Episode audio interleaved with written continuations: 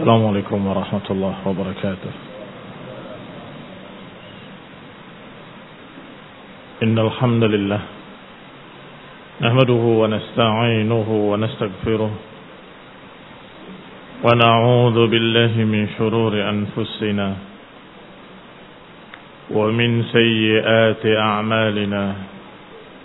من يهده الله فلا مضل له ومن يضلل فلا هادي له وأشهد أن لا إله إلا الله وحده لا شريك له وأشهد أن محمدا عبده ورسوله صلى الله عليه وعلى آله وأصحابه والتابعين وتابع التابعين ومن تبعهم بإحسان إلى يوم الدين. يا أيها الذين آمنوا اتقوا الله حق تقاته ولا تموتن إلا وأنتم مسلمون. يا أيها الناس اتقوا ربكم الذي خلقكم من نفس واحدة وخلق منها زوجها وبث منهما رجالا كثيرا ونساء. واتقوا الله الذي تساءلون به والأرحم إن الله كان عليكم رقيبا. يا أيها الذين آمنوا اتقوا الله وقولوا قولا سديدا. يصلح لكم أعمالكم.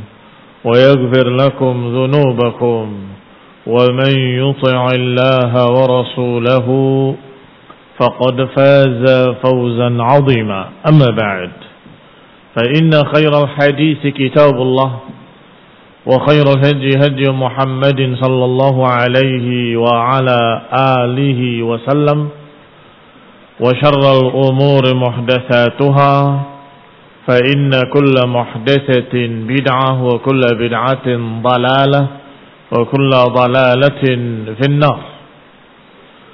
إخواني في الدين أعزكم الله ومسلمين رحمني ورحمكم الله. Masih kita membicarakan tentang karamah. Dari kitab Syarah Al-Aqidah Tahawiyah oleh Ibn Abdul Aziz Al-Hanafi rahimahullah mensyarah Aqidah At-Tahawiyah oleh Imam Abu Ja'far At-Tahawi rahimahullah. Sampai pada ucapan beliau pensyarahnya yaitu Abdul Aziz Ibn Abdul Aziz Al-Hanafi rahimahullah bahwasanya yang namanya istiqamah atau yang namanya karamah yang paling tingginya adalah istiqamah. Karamah yang paling tingginya adalah istiqamah. Beliau berkata, "Wa anna Allah Ta'ala lam yukrim 'abdan bi karamatin min muwafaqatihi fima yuhibbuhu wa yardah." Kita ulangi sedikit apa yang sudah dibahas bahwasanya Allah Subhanahu wa taala tidak memuliakan hambanya dengan satu karomah pun yang lebih tinggi, yang lebih besar daripada kecocokan amalnya terhadap apa yang dicintai dan diridhoi oleh Allah Subhanahu wa taala. Tidak ada karomah yang lebih tinggi dari taufik.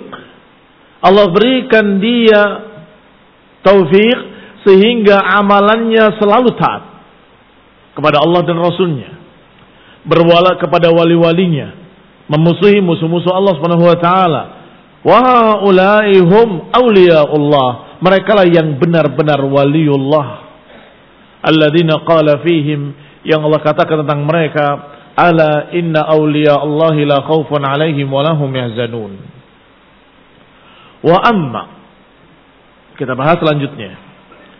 Wa amma ma yubtala atau ma yabtalillahu bihi 'abdahu min as-sarra'i bi kharqil 'adah aw bi ghairiha aw bi darra' falaysa dhalika li ajli karamatil 'abdi Adapun apa yang Allah berikan, Allah timpakan pada seorang hamba. Apakah sarra ataupun darra? Kebaikan atau kejelekan? bikhariqil adah dengan sesuatu yang luar biasa yang keluar dari kebiasaan maka itu tidak mesti bermakna karamah tidak mesti li ajri karamatil abdi. Tidak mesti bahwa itu karena karamah yang Allah muliakan dengannya seorang hamba. Tidak pula sebaliknya. Kalau itu menghinakan seorang hamba. Bal qad sa'ida biha qaumun idza ata'uhu wa syaqiya biha qaumun idza 'asawhu. Bahkan satu kaum akan berbahagia dengan keanehan-keanehan tadi kalau mereka taat pada Allah Subhanahu wa taala. Sebaliknya satu kaum merasa sengsara dengan keanehan-keanehan tadi kalau mereka bermaksiat pada Allah Subhanahu wa taala. Musailamah Al-Kadzab yang mengaku nabi didatangi oleh pengikutnya desa kami kekeringan sumur kami sedikit airnya doakan agar Allah menurunkan hujan maka Musailamah berdoa di hadapan sumur tersebut agar diberikan air. Yang tadi air sedikit sumur itu tiba-tiba surut habis. Keanehan atau bukan keanehan? Keanehan. Orang tadi terkejut. Apa yang tersisa dari kami ikut hilang sekalian karena doamu. Hada hawan. Ini kehinaan yang Allah takdirkan untuk orang ini. Musailam al-Kadzab. Walaupun memang kejadiannya luar biasa, aneh. Kau bisa saat itu juga seketika tiba-tiba airnya turun, habis kering. Mereka menyatakan sumur kami sedikit airnya, ternyata ketika berdoa malah hilang. Walaupun itu merupakan kharqun lil adah, sesuatu yang luar biasa, yang aneh. Tetapi toh bukan memuliakan justru menghinakan. Allah hinakan Musa ilam al-Kadzab di hadapan pengikut-pengikutnya. Demikian pula sebaliknya ada orang yang mendapatkan keanehan dan dia berbahagia dengannya karena amalannya amalan yang saleh. Maka itu tidak jadi ukuran. Itu tidak jadi ukuran. Sama dengan pemberian-pemberian dunia. Sama dengan pemberian-pemberian dunia. Allah berikan si fulan kekayaan. Allah berikan pada si alan kemiskinan. As'alukum. Saya tanya pada kalian. Apakah yang diberikan kekayaan berarti dia dicintai oleh Allah? Belum tentu. Apa yang dimiskinkan tadi atau siapa yang dijadikan fakir oleh Allah, apakah dia dibenci oleh Allah? Belum tentu juga. Belum tentu juga. Itu ujian. Ujian dunia Allah Subhanahu wa taala menyatakan wa nabluukum bisyarri wal khairi fitnah. Kami uji kalian dengan kebaikan dan kejelekan sebagai fitnah. Sebagai ujian. Apakah kalian istiqamah di atas hak atau menyimpang dari al-haq? Apakah dengan kekayaan tetap istiqamah, dengan kemiskinan tetap istiqamah, maka dia lulus. Tetapi kalau diberi kekayaan magrur, diberi kemiskinan menggerutu, berarti dia tidak lulus dalam ujian. Demikian pula karamah, keanehan-keanehan tadi itu takdir Allah. Allah takdirkan keanehan terjadi pada si fulan. Allah takdirkan keanehan pada si Alan. Yang ini menguntungkan, yang ini merugikan. Apakah itu yang dibikin untung dengan keanehan tadi berarti dicintai oleh Allah? Belum tentu. Apakah yang diberikan keanehan tiba-tiba dia rugi? Apakah itu berarti dihinakan oleh Allah? Tidak juga. Sama dengan dunia tadi. diuji oleh Allah, kamu dapat keanehan yang menguntungkan. Ashkur am akfur. Apakah kamu syukur atau kufur? Nabi Sulaiman alaihi salam termasuk contoh seorang yang lulus Nabiullah Rasulullah. Maka dia berkata, "Hada min fadli Rabbi liyabluwani aashkur am akfur." Ini ujian atau ini fadilah dari Allah untuk ujian, menguji aku, apakah aku syukur atau kufur. Adapun beberapa orang-orang yang mendapatkan keanehan-keanehan. Tiba-tiba dia tahu sesuatu yang orang lain tidak tahu. Tiba-tiba dia berkata berarti saya ini adalah orang yang mengetahui yang gaib. Wahai manusia saluni saluni Tanyalah padaku, tanyalah padaku. Aku tahu yang gaib. Aku tahu siapa yang akan begini, siapa yang akan sengsara. Aku tahu siapa jodohnya si fulan dan si alan. Aku tahu kapan dia akan mati, kapan dia akan bahagia, kapan dia akan sengsara. Saluni. Jadi dukun dia. Berarti tidak lulus. Padahal dia dalam keadaan diberi sedikit sekali. Jauh di bawahnya Nabi Sulaiman alaihissalam hanya bisa berkomunikasi dengan jin dengan cara-cara tertentu. Tiba-tiba naudzubillah jadi dal, mengaku seperti Tuhan tahu yang gaib. Maka itu adalah seperti apa yang Allah katakan fa ammal insanu idza mabtalahu rabbuhu fa akramahu wa na'amahu fayaqulu rabbi akraman wa amma idza mabtalahu faqadara alayhi rizqahu fayaqulu rabbi ahanan. Adapun manusia kalau diuji oleh Allah sesuatu atau dengan sesuatu yang akramahu memuliakan menjadikan dia di dunia tinggi berkata Rabbi akramani Rabbku memuliakan aku. Tetapi ketika diuji dengan kemiskinan dan kekurangan rizki Tiba-tiba dia berkata, "Rabbi ahanan, Rabbku menghinakan aku." Kalla. Bal la tukrimuna al-yatim. Ikhwani fillah azakumullah, ayat ini sesungguhnya memberitahu kita agar jangan dijadikan ukuran kecintaan atau kebencian ketika Allah berikan dunia atau Allah jadikan miskin. Ketika Allah berikan sesuatu keanehan yang memuliakan atau suatu keanehan yang merendahkan atau menjadikan dia rugi. Tiba-tiba uangnya hilang dengan cara yang menakjubkan. Kharqul ada atau bukan kharqul ada? Kharqul ada. Saya taruh di laci ini, saya kunci, saya kunci pula lemarinya, saya kunci kamarnya, saya kunci rumahnya. Dan gak ada tanda-tanda orang masuk. Tiba-tiba hilang. Lenyap begitu saja. Nah, ini khurqun lil ada. Taib, ini ujian. Ujian. Apakah kemudian dia mengatakan saya harus ke dukun? Berarti salah dia. Kalah dalam ujian. Saya harus tanya orang pinter dalam tanda petik. Tetapi ada yang menyatakan semuanya dari Allah dan akan kembali pada Allah. Inna lillahi wa inna ilaihi raji'un. Allah yang menakdirkan hilang. Dan insya Allah Allah akan berikan yang lebih baik dari itu. Masya Allah. Baru dikatakan dia orang yang lulus.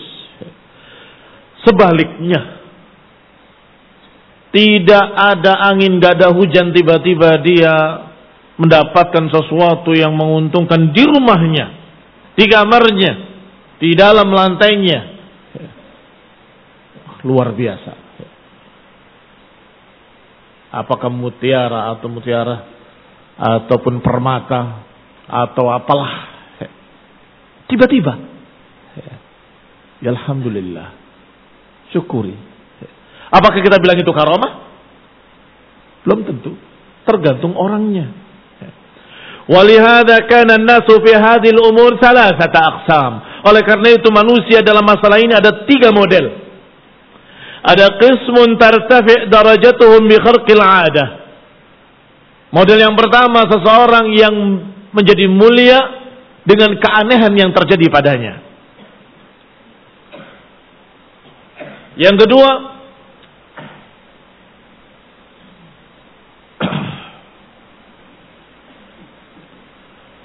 adalah seorang yang dalam keadaan teradab, tersiksa atau menuju kepada azab karena keanehan tersebut. Wa qismun dan yang ketiga yakunu fi haqqihim bimanzilatil mubahat. Satu jenis lagi adalah yang keanehan bagi dia seperti kemubahan-kemubahan yang lain. Yang mubah dipakai baik jadi baik, dipakai jelek jadi jelek. Kama taqaddam sebagaimana telah lewat kemarin. Siapa yang jadi mulia dengan kharqil adah? Siapa yang jadi mulia dengan keanehan-keanehan yang terjadi padanya? Al-mu'min. Orang yang beriman pada Allah dan hari akhir. Orang yang berada di atas ketaatan kepada Allah dan Rasulnya. Maka keanehannya memuliakan dia. Yang kedua adalah seorang yang tidak lulus dalam ujian. Mendapatkan keanehan. Kemudian dia mengaku sebagai alimul ghaibi bahkan menjadi dukun ila akhirnya. Yang ketiga, orang yang memiliki keanehan pada dia seperti sejenis mubah. Perkara mubah yang dipakai baik jadi baik, dipakai jelek jadi jelek. Seperti firasat. Dia tahu. Firasat-firasat. Maka ini barakallahu fikum adalah perkara yang bisa saja terjadi pada semua orang. Bahkan orang kafir kadang punya firasat. Kadang punya firasat. Wa tanawwa'al kashfu wat ta'zir. Dan yang namanya al-kashf dan pengaruh-pengaruhnya itu bermacam-macam. Tergantung bermacam-macamnya kalimat Allah Subhanahu wa taala. Karena kalimat Allah Subhanahu wa taala ada dua jenis. Ada kalimatuhu al-kauniyah ada kalimatuhu ad-diniyah. Adapun kalimatuhu kalimat Allah Subhanahu wa taala al-kauniyah adalah ketika Allah menakdirkan dengan kun. Allah katakan dengan kalimatnya kun, jadilah, maka jadilah dia. Hiya allati ista'adha biha sallallahu alaihi wa ala alihi wasallam. Inilah yang Nabi berlindung dengan kalimat-kalimat Allah Subhanahu wa taala yang tamat allati la yujawizuhunna barrun wala fajir. Kalimat-kalimat Allah yang sempurna yang tidak bisa melampauinya orang baik ataupun orang jelek. Enggak akan bisa melampaui kalimat Allah. Kalimat Allah sudah keputusan. Apa yang Allah kehendaki, jadilah maka jadilah. Ini jenis pertama. Sebagaimana Allah katakan innama ya innama amruhu idza arada syai'an an yaqula lahu kun fayakun. Sesungguhnya urusannya kalau Allah menghendaki sesuatu Allah hanya berkata kun yang bermakna jadilah maka jadilah dia. Wa tammat kalimatu rabbika sidqan wa adla. Jenis kedua Anau tsani al-kalimatud diniyah, kalimat-kalimat Allah secara syar'i dan dini, yaitu Al-Qur'an. Yang Allah utus Rasulnya dengannya.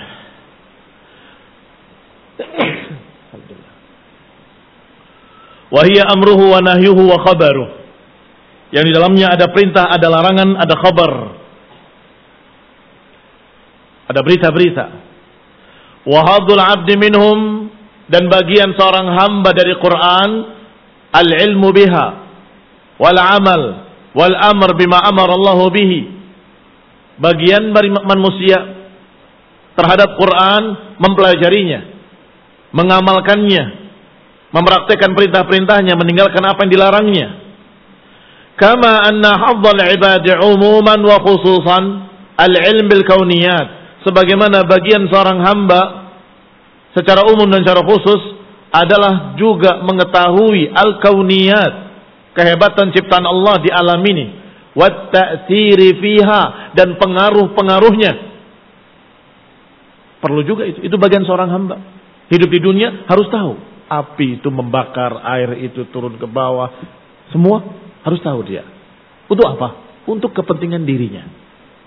Sebagaimana dia tahu harus harus tahu syariat untuk keselamatan dirinya di dunia dari kesesatan dan selamat dari azab. Harus mengikuti syariat. Ayat-ayat Allah kauniyah juga harus dipelajari. Untuk apa? untuk kita tahu mana yang nafek, mana yang dar, mana yang bermanfaat, mana yang bermadarat. Ini pengaruhnya apa, ini pengaruhnya apa. Kena air cuma basah. Kena api terbakar. Aibi mujibiha. Yani apa konsekuensi-konsekuensinya. Fal'ula tadbiriyah kauniyah. Wasani syar'iyah diniyah.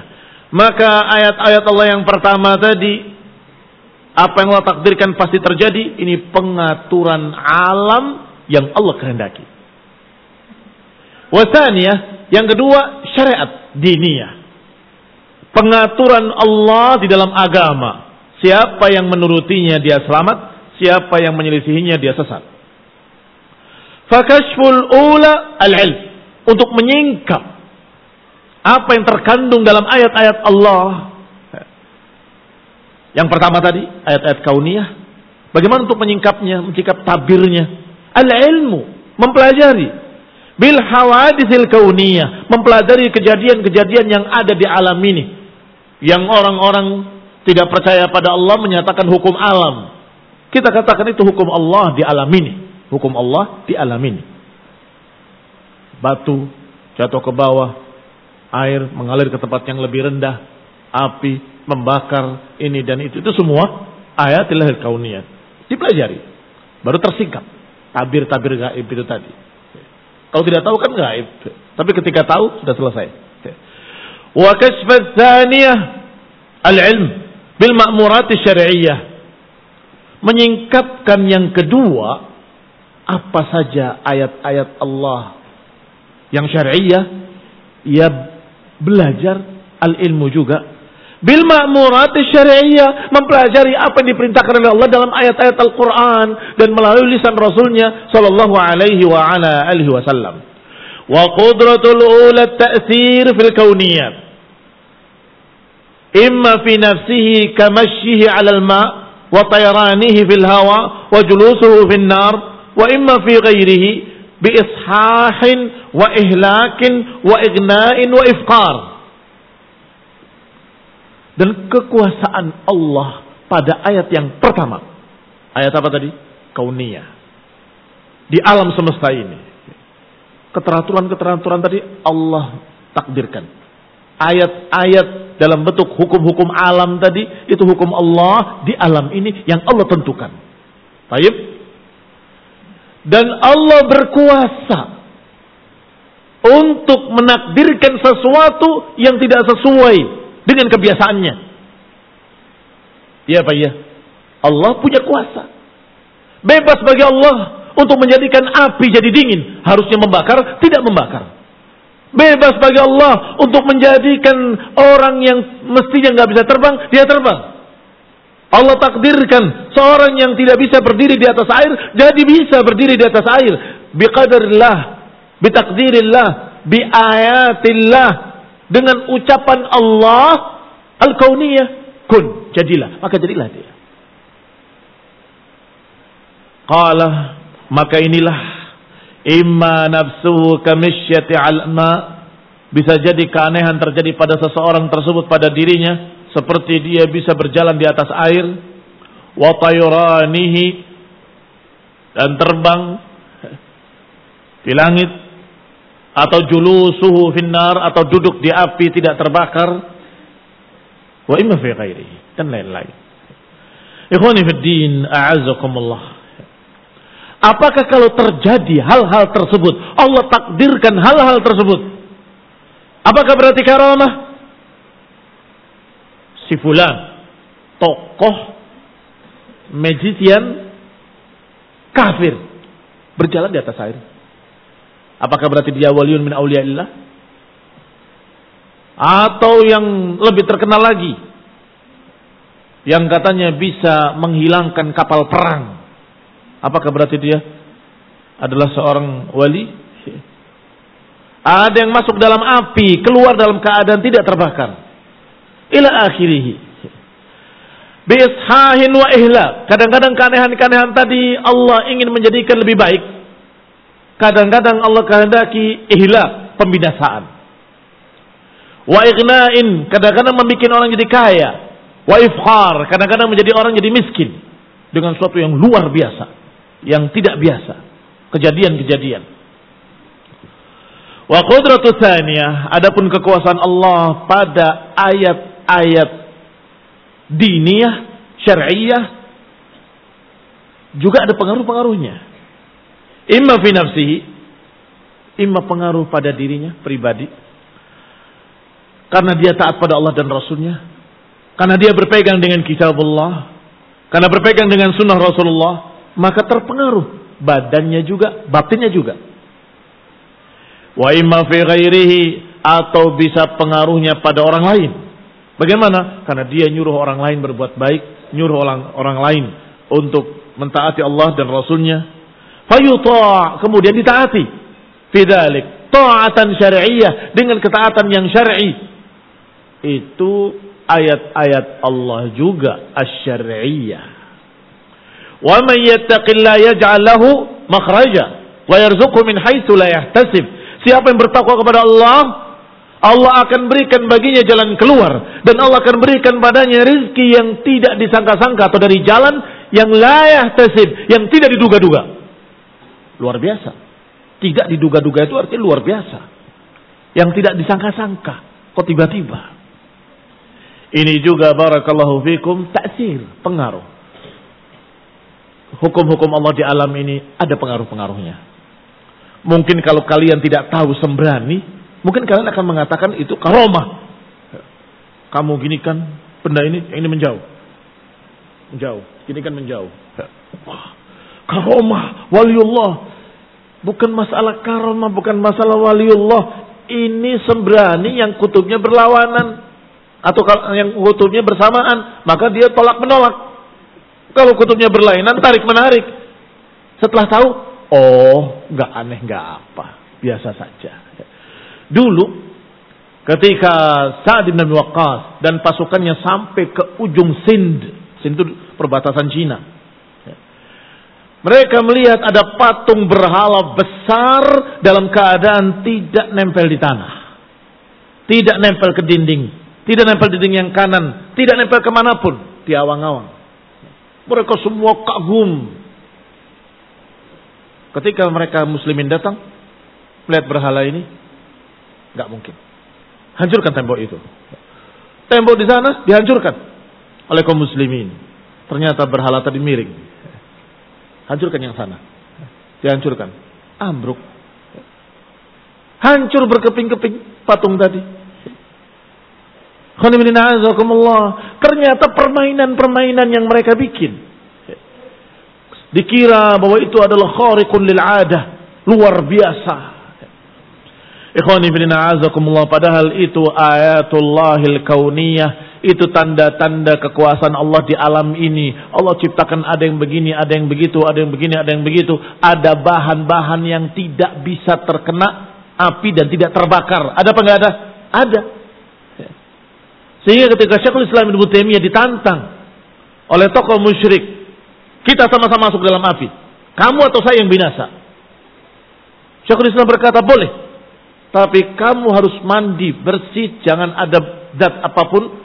Sebagaimana aku juga demikian, kita masuk bersama-sama dan kita berdoa pada Allah dan kamu doa sama Tuhanmu. Aku akan berdoa pada Allah. Aku berani. Dia yang tidak berani. Mengapa? Karena dia sudah mempersiapkan. Dilumuri sesuatu di badannya untuk masuk ke dalam api sehingga keluar dalam keadaan tidak terbakar. Ikhwani bidina azakumullah. Fahada barakallahu fikum mungkin dikira kharqun lil adah. Padahal kalau dicari ada sebab akibat yang kita tidak tahu. Yang kita tidak tahu. Sehingga kharqun lil adah juga adalah perkara-perkara yang kadang ada sebab akibat tetapi belum tersingkap oleh manusia. Mengapa demikian? Mengapa kok bisa begitu? kaum muslimin rahimani wa rahimakumullah. Taqarrara dhalika fa'lam anna 'adam al-khawariq ilman wa qudratan la tadurru al-muslim fi dinih. Kalau sudah tetapkan begini dengan apa yang sudah kita bahas, maka ketahuilah bahwa tidak adanya keanehan bersama dengan ilmu dan kemampuan. Itu tidak berpengaruh jelek. La yadurru tidak membuat madarat bagi seorang muslim pada agamanya. Ini seorang muslim taat, masya Allah, taqi, tapi nggak punya keanehan apa pun. La yadurru, nggak ada ruginya dia. Tahu dapat pahala dari Allah SWT di akhirat, dapat kemuliaan dia karena berjalan di atas kebenaran. Faman lam yankashif lahu syai'un minal mughayyabat maka siapa yang tidak tersingkap baginya hal-hal gaib walam yaskhur walam yaskhar lahu syai'un minal kauniyat. Dan belum ditundukkan untuknya apa yang ada di alam ini dari makhluk-makhluk. La yanqus dzalika fi martabatihi indallah. Tidak mengurangi kemuliaan dia di sisi Allah Subhanahu wa taala. Karena biasanya karamah ada dua model. Ada al-kashf dan ada sakhr atau taskhir. Al-kashf disikapkan hal-hal yang orang tidak tahu dia tahu.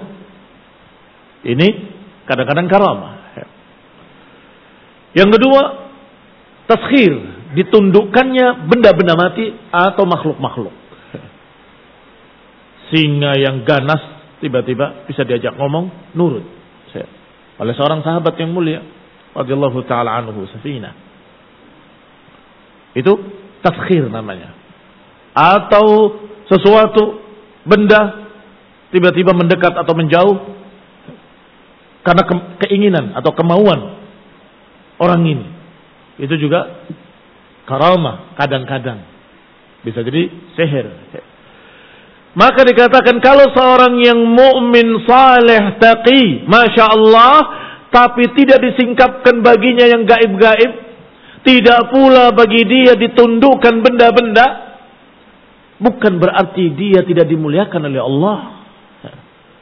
La yanqus dzalika min martabatihi, tidak mengurangi martabatnya. Bal qad yakunu adamu dzalika anfa' lahu. Bahkan bisa jadi tidak adanya keanehan-keanehan bagi dia itu justru bermanfaat bagi dia, anfa' lebih bermanfaat. Fainahu in iqtarana din karena kalau dia tetap bersama agama, berpegang dengan agama, wa illa halaka sahibuhu fid dunya wal akhirah. Karena keanehan-keanehan tadi sangat berbahaya dari sisi lain. Dari satu sisi katanya karomah. Tapi dari sisi lain sangat-sangat berbahaya. Apa bahayanya? GR. Ya apa ya? Silahkan. Kalau kalian kemudian dikasih oleh Allah kemuliaan. Tiba-tiba engkau mendapatkan keanehan. Sedang sholat. Dalam keadaan sutrohnya hilang. Pergi. Aduh. Mau jalan ke sana jauh. Tiba-tiba badanmu bergerak sendiri mendekat ke sutroh. Bagaimana menurutmu? Apa yang kau rasakan kira-kira? Wah, saya ternyata waliullah. Ternyata, ternyata, ternyata, ternyata GR. Akhirnya engkau akan berubah keadaannya. Yang tadinya ikhlas jadi nggak ikhlas, yang tadinya tawadu jadi sombong, yang tadinya gagal ujian. Gagal ujian. Artinya ujiannya berat. Tidak ringan seorang diberi keanehan oleh Allah Subhanahu wa taala. Yang harusnya dia semakin beriman, semakin takwa, semakin tawadhu, ini malah sebaliknya. Semakin sombong. Semakin GR, gede rasa. Waqala fa innal khariq qad Yang namanya keanehan-keanehan yang terjadi pada seseorang kadang diiringi agama yang baik, kesolehan. Wa qad yakunu ma'adamih. Kadang-kadang tidak diiringi dengan ketakwaan, tidak diiringi dengan agama yang baik atau bahkan diiringi dengan kerusakan-kerusakan atau bahkan kekurangan agama maka yang demikian berbahaya kalau diiringi agama semakin mendapatkan kemuliaan semakin tawadhu semakin tawadhu tetapi kalau kurang agama kurang iman apalagi memiliki kesesatan dan penyimpangan maka na'udzubillah akan menjadi fitnah yang menyesatkan. Akan menjadi fitnatun mudillah. Wal khawariq nafi'ah tabi'atun lid-din. Maka keanehan-keanehan yang bermanfaat kalau diiringi agama. Khadimatan lahu kalau mendukung agama. Kama anna riyasa sama dengan kepemimpinan dan kekuasaan. Bermanfaat atau tidak bermanfaat? Ya bisa jadi manfaat, bisa jadi tidak. Tergantung, tergantung apa? Tergantung apakah ma'adin atau ma'adamiddin. Apakah dengan agama yang baik atau tidak. Kalau dengan agama yang baik dia menjadi penguasa, akan jadi baik kekuasaannya. Tetapi kalau ma'adamiddin, tidak bersama agama, maka niscaya yang terjadi kehancuran. Semakin dia memiliki kekuasaan, semakin hancur dia. Berarti tabi'ah lid-din. Wa kadzalikal malun nafi' demikian pula harta benda. Apakah bermanfaat atau tidak bermanfaat? Jangan serentak menjawab bermanfaat dong. Jangan. Pikirkan baik-baik. Bermanfaat atau tidak bermanfaat? Ma'din nafi' bighairi din dar. Kamu tidak lihat bagaimana mereka-mereka yang kaya raya. Bagaimana anak-anaknya? Semuanya hancur. Yang ini mati overdosis. Yang ini binasa karena penyakit-penyakit kelamin. Yang ini kenapa tuh? Kok bisa? Penyakit model begitu nggak kena sama yang miskin-miskin. Boro-boro mampu mereka beli benda-benda mahal tadi, obat-obat terlarang yang mahal tadi. Boro-boro dia mampu untuk bisa begini dan begitu. Mereka sudah dalam keadaan narkoba, mereka pergaulannya bebas, mereka memakai mobil mewahnya dengan kebut-kebutan dan mereka binasa. Hancur. Berarti hal yanfa' malum, apakah bermanfaat harta mereka? La, darun alaihim. Darun alaihim, membuat madarat atas mereka. Mengapa? Harta pada si fulan bermanfaat, harta pada si alan merugikan. Yang ini ma'ad-din yanfa. Yang ini ma'adamiddin yadur. Berarti sama kekuasaan juga begitu. Ma'ad-din yanfa. Ma'adamih yadur. Harta juga begini. Sama. Ma'ad-din yanfa. Ma'ghairiddin atau bi'adamiddin yadur. Wa kadzalikal khariq lil 'adah. Keanehan-keanehan yang Allah takdirkan pada seseorang juga sama Qala kama kana sultan wal mal sebagaimana kekuasaan dan harta akan bermanfaat kalau di tangan seorang nabi. Sallallahu alaihi wa ala alihi wasallam. Kekuasaan dan harta akan bermanfaat di tangan Abu Bakar wa Umar. Faman ja'alaha hiyal maqsudah. Maka siapa yang menjadikan itu sebagai tujuan utamanya wa ja'ala din tabi'an laha dan dijadikannya agama sebagai yang ngikut di belakangnya hanya wasilah untuk mencari kekuasaan dan harta apa kita katakan orang ini Hada syabihun biman ya'kulud dunya biddin. Maka serupa dengan orang yang mencari dunia dengan agama. Betapa rendah yang betapa rendahnya apa yang mereka cari Betapa mahalnya apa yang mereka jadikan modalnya. Betapa rendah yang mereka cari yaitu dunia. Dan betapa mulianya yang mereka korbankan. Yaitu agama. Astagfirullah. Kaman ya'khud al-adarah bimil'aqatin min yaqut kata para ulama. Permisalannya seperti orang yang mengambil kotoran di comberan dengan sendok dari permata, mutiara dan emas dan berlian. Sayang sekali. Betapa rendahnya yang kamu ambil dan betapa mahalnya yang kamu jadikan alat. Kamu jadikan dunia alat untuk mencari. Kamu jadikan agama, kamu jadikan alat sebagai cari dunia. Sayang sekali agama ini. Taib, kembali kepada permasalahan. Ada orang yang beragama, puasa, dikir, ibadah, sholat, terus, masya Allah, karena ingin dapat keanehan-keanehan. Sama atau tidak sama dengan yang tadi? Sama.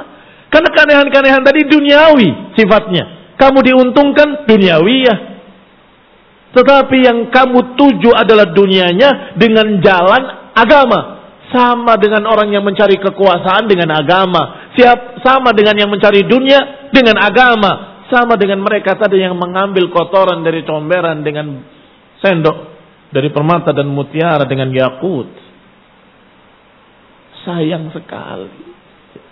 Rendah sekali yang kau ambil dan besar sekali yang kau jadikan alat. Qala rahimahullah. Walaysat haluhu kahaliman tadayyana khawfal adab. Akan berbeda keadaannya dengan seseorang yang beragama, beribadah karena takut adab Allah.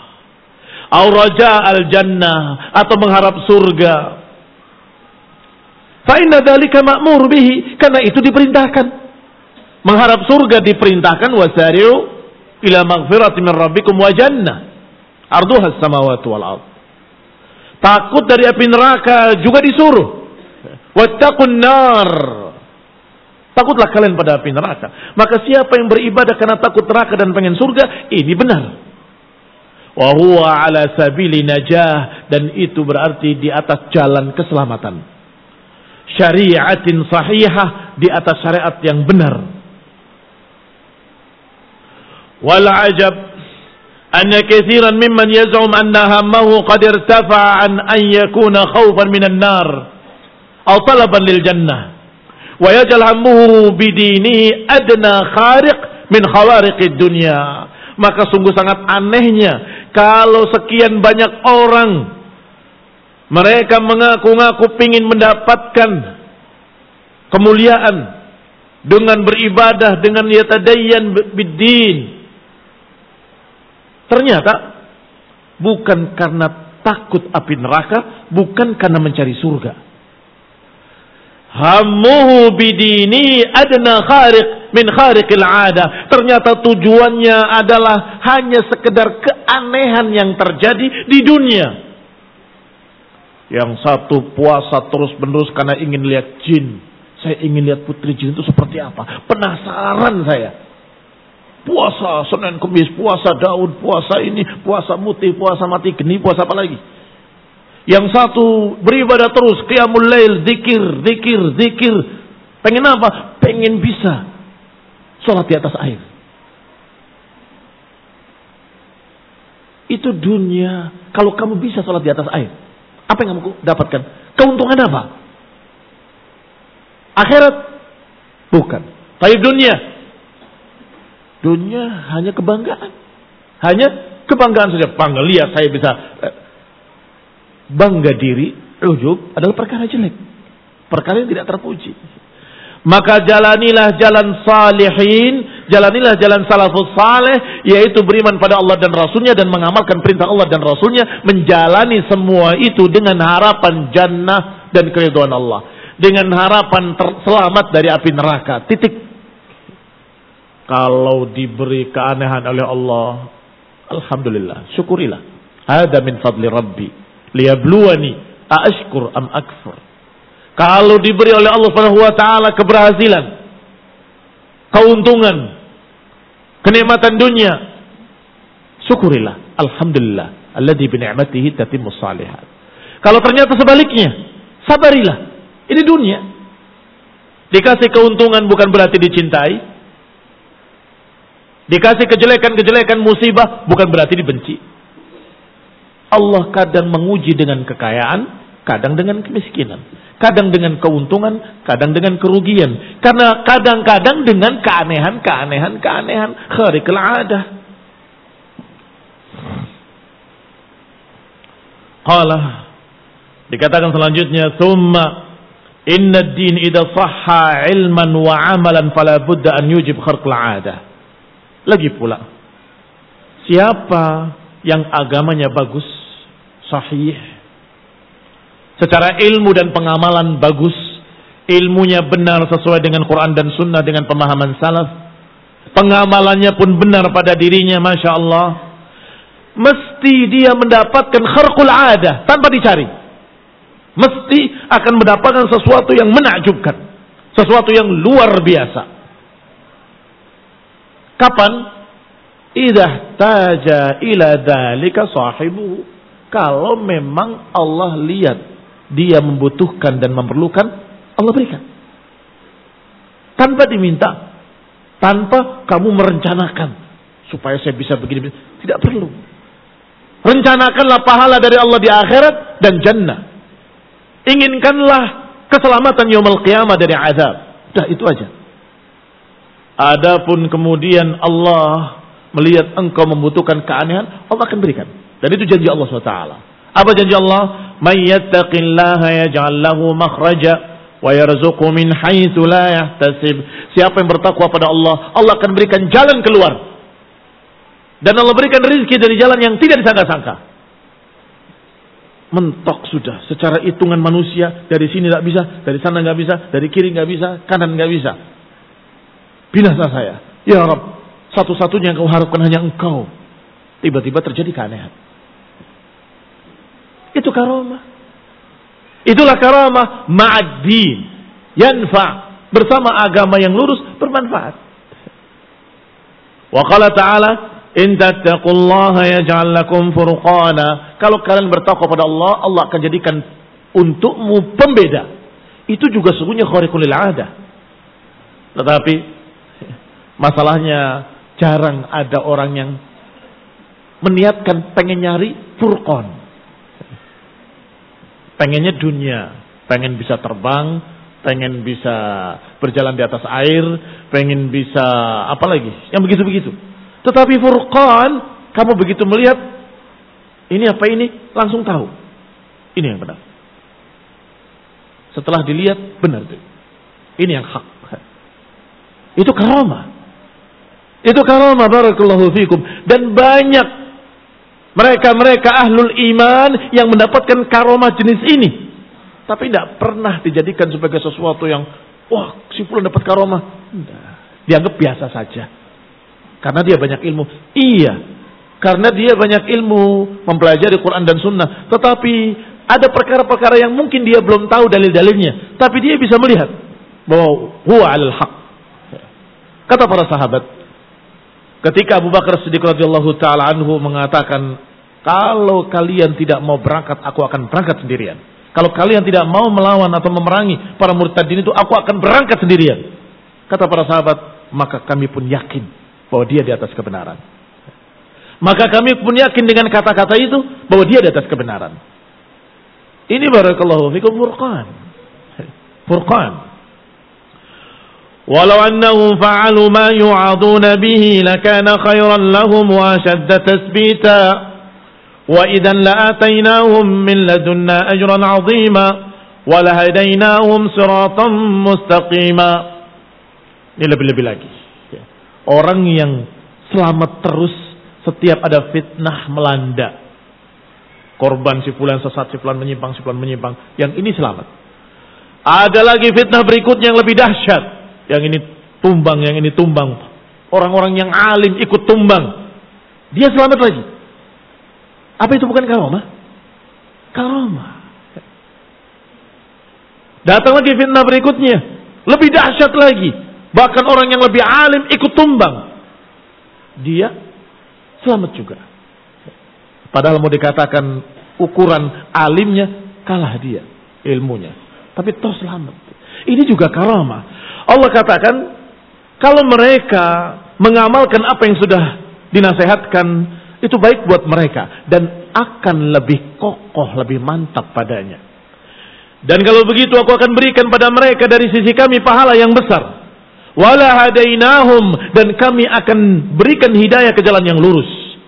Dikasih oleh Allah tasbit. Tasbit itu kekokohan. Ada fitnah melanda, bagaimanapun dahsyatnya, dia tetap kokoh. Badai, topan, angin beliung, dia tetap kokoh. Tidak tercabut dari akarnya. Ini karomah. Ala inna awliya Allah la khawfun alaihim wa la hum yahzanun alladhina amanu wa kanu yattaqun lahumul bushra fil hayati dunya wa fil akhirah mereka ini orang yang beriman wali-wali Allah. La khaufun alaihim wa lahum yahzanun. Allah berikan janji pula. Bushra. Bukan hanya di akhirat, di dunia juga. Lahumul bushra fid hayati dunya wa fil akhirah. Di dunia dan di akhirat. Bushra, kabar gembira. Diberikan oleh Allah kabar gembira dengan mimpi-mimpi. Diberikan kabar gembira oleh Allah dengan firasat-firasat. Diberikan kabar gembira oleh Allah Subhanahu wa taala yang mengembirakan sehingga orang lain dalam keadaan gelisah dia tetap tenang. Itu juga karamah dan itu pengaruh iman.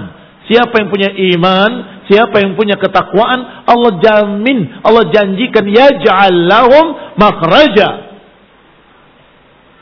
Kata Nabi alaihi wasallam, "Ittaqu firasatal mu'min." Hati-hati dengan firasatnya orang yang beriman. Hati-hati dengan firasatnya orang yang beriman. Fa'innahu yandur binurillah. Karena dia melihat dengan cahaya dari Allah. Tidak hanya dengan mata kepalanya. Tapi dia lihat dengan mata hatinya. Ini juga karomah. Seorang yang mukmin firasatnya tajam. Hati-hati. Jangan main-main dengan orang yang beriman. Jangan kalian main-main dengan mereka-mereka yang muttaqin. Mereka punya firasat yang tajam setajam pedang. Kalian mau menipu mereka akan terbongkar fi awwali wahla. Akan terbongkar di awal pertama rencanamu sudah ketahuan. Kalau kau akan berbuat jelek kepadanya. Inna fi dzalika laayatin lil mutawassimin. Kata Allah, ini adalah tanda-tanda kekuasaan Allah bagi para mutawassimin. Apa makna mutawassimin? Kata Ibn Abbas radhiyallahu taala anhuma dalam tafsir Ibnu Katsir bahwa al-mutawassimin ay al-mutafarrisin. Demikian pula Mujahid. Atau juga menyatakan al-mutaammilin, an-nadirin, apa mutafarrisin? Yang memandang dengan firasat yang tajam. Lugatan secara bahasa mutawassimin dari kata wasm. Wasm itu tanda. Artinya bagi orang yang melihat tanda-tanda. Orang yang melihat tanda-tanda akan benar jalannya. Orang yang melihat rambu-rambu akan benar jalannya. Tetapi juga bermana firasat karena firasat itu melihat tanda-tanda. Bukan berarti dia tahu yang gaib, tidak. Tidak ada yang tahu yang gaib kecuali Allah Subhanahu wa taala. Tetapi firasat dia dia bisa melihat karena dia melihat tanda-tanda. Apa tanda-tandanya? Dari raut wajahnya, dari gaya bicaranya, dari tutur katanya, dari tangannya yang menandakan kegelisahan atau apa saja tanda-tanda itu. Langsung dia paham, ini orang demikian demikian. Ini orang punya niat jelek. Ini orang tidak baik.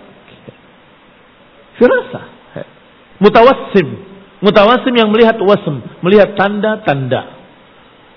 Naktafi bihadal qadar barakallahu fikum. Wal'afu ala al-italah wa ta'akhur. Wassalamu taufiq wal afiyah wal hidayah wa rahmah. Subhanakallah bihamdik. Asyhadu an la ilaha illa anta wa atubu ilaik. Assalamualaikum warahmatullahi wabarakatuh.